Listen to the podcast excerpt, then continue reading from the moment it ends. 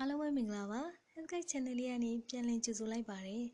ဒီတစ်ပတ်အားလုံးကိုဝေမျှပေးသွားခြင်းတဲ့အကြောင်းအရာလေးကတော့စိတ်ပိုင်းဆိုင်ရာနဲ့ပတ်သက်ပြီးတော့တည်ထားတဲ့တိမတ်ဖွဲ့ရာလေးတွေကိုအပိုင်းသုံးအနေနဲ့ပြောပြပေးသွားခြင်းပါတယ်နော်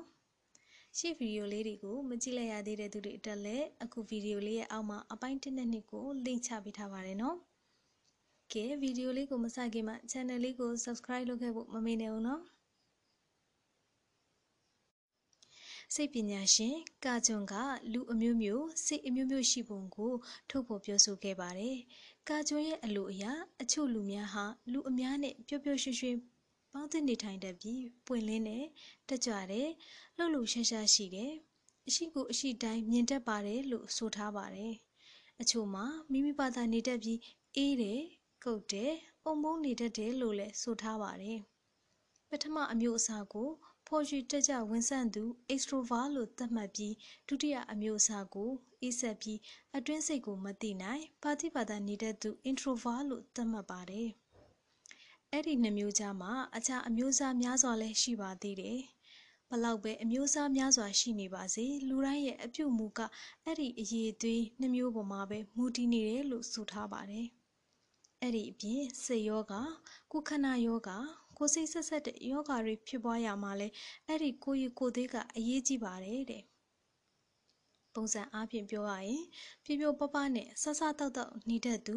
extrovert တွေကသွေးတိုးယောဂနှလုံးယောဂရင်ဘတ်နာခြင်းနဲ့ခေါင်းတစ်ချက်ကယောဂတွေကိုပိုခံစားရတတ်ရပြီးပိန်ပိန်ပပကိုယ့်ဘာသာကိုစဉ်းစားနေတတ်တဲ့ introvert တွေကအင်ဂျက်ပန်းနာယောဂ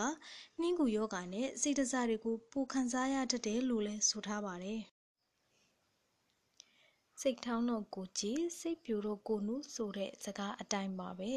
လူတယောက်ရဲ့ကျန်းမာရေးဟာစိတ်တကြမှုစိတ်ပူပန်မှုနဲ့တောကဖိစီးမှုတွေကြောင့်ထိခိုက်ပျက်စီးစေနိုင်တယ်လို့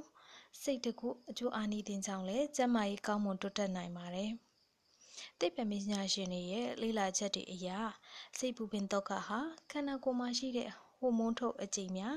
အာယုံကြောများနဲ့ကိုယ်ခံစွမ်းအားစနစ်တွေမှာအမျိုးမျိုးသောပြောင်းလဲမှုတွေကိုဖြစ်စေနိုင်ကြောင်းလေ့လာတွေ့ရှိရပါတယ်။ဆိုရင်ပူပန်စိတ်နဲ့တောကစိတ်တွေကြောင့်အိမ်မပြောစားမဝင်တာတွေကစပြီးသွေးတိုးယောဂနဲ့နှလုံးယောဂအစုံ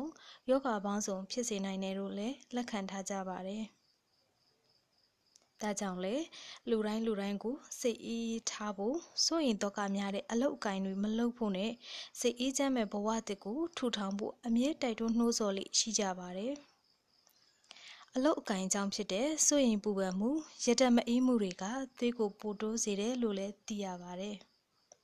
နှလုံးသွေးကြောချင်းရောဂါရှိတဲ့သူတွေမှာစိတ်တော့ကရောက်တဲ့အချိန်မျိုးဆိုရင်ရင်ပတ်အောင်ပြီးနှလုံးရောဂါဖိစီးမှုတန်းကိုပိုပြီးခံစားရတတ်တယ်လို့လည်းသိရပါတယ်။ ဒါကြောင့်အနောက်နိုင်ငံနဲ့အိန္ဒိယနိုင်ငံတွေကတက္ကမတော်အချို့ကနှလုံးယောဂါနဲ့သွေးတိုးယောဂါသမားတွေကိုဆေးဝါးနဲ့တာမကစိတ်ကိုတည်ငြိမ်စေနိုင်မဲ့ကျင့်ကြံမှုနည်းစနစ်တွေဖြစ်တဲ့ယောဂကျင့်စဉ်တွေကမ္မထမ်းတိုင်နည်းတွေတရားထိုင်ခြင်းနည်းတွေနဲ့ကုသပေးပြီးအောင်မြင်နေကြတယ်လို့လည်းသိရပါတယ်။စိတ်ပိုင်းဆိုင်ရာအေးချမ်းမှုရှိလို့ရှိရင်အခြားပြောက်ကင်းနိုင်တဲ့ယောဂါတွေလည်းရှိပါတယ်။ဘလို့ယောဂါတွေလဲဆိုတော့ လေဖြတ်ခြင်း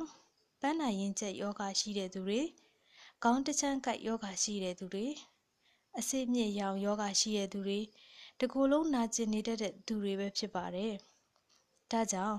စိတ်ကိုအေးချမ်းစေနိုင်ဖို့နီးလန်းတွေကိုလည်းပြပြပေးလိုက်ပါမယ်နော်။ဥပမာတရားထိုင်ခြင်းယောဂကျင့်ခြင်းစိတ်ငြိမ်စေများပေးခြင်းဘီတာပိတ်စေ ဘီတာဘလော့ကာများပေးခြင်းစိတ်ယောဂကုဆရာဝန်တွေနဲ့တွားရောက်ဆွေးနွေးခြင်းစိတ်ကုသနည်းနဲ့ကုသခြင်းစတာတွေပဲဖြစ်ပါတယ်နော်ကဲဒီနေ့တော့ဗီဒီယိုလေးကိုဒီမှာပဲအဆုံးသတ်ခွင့်ပြုပါနော်ဒီဗီဒီယိုလေးကနေမိတ်ဆွေတို့အတွက်အကျိုးရှိမဲ့အရာတွေရလိုက်တယ်ဆိုရင်အခြားသူတွေအတွက်လည်း like and share လေးလုပ်ပြီးဝေမျှပေးသွားပါအောင်နော်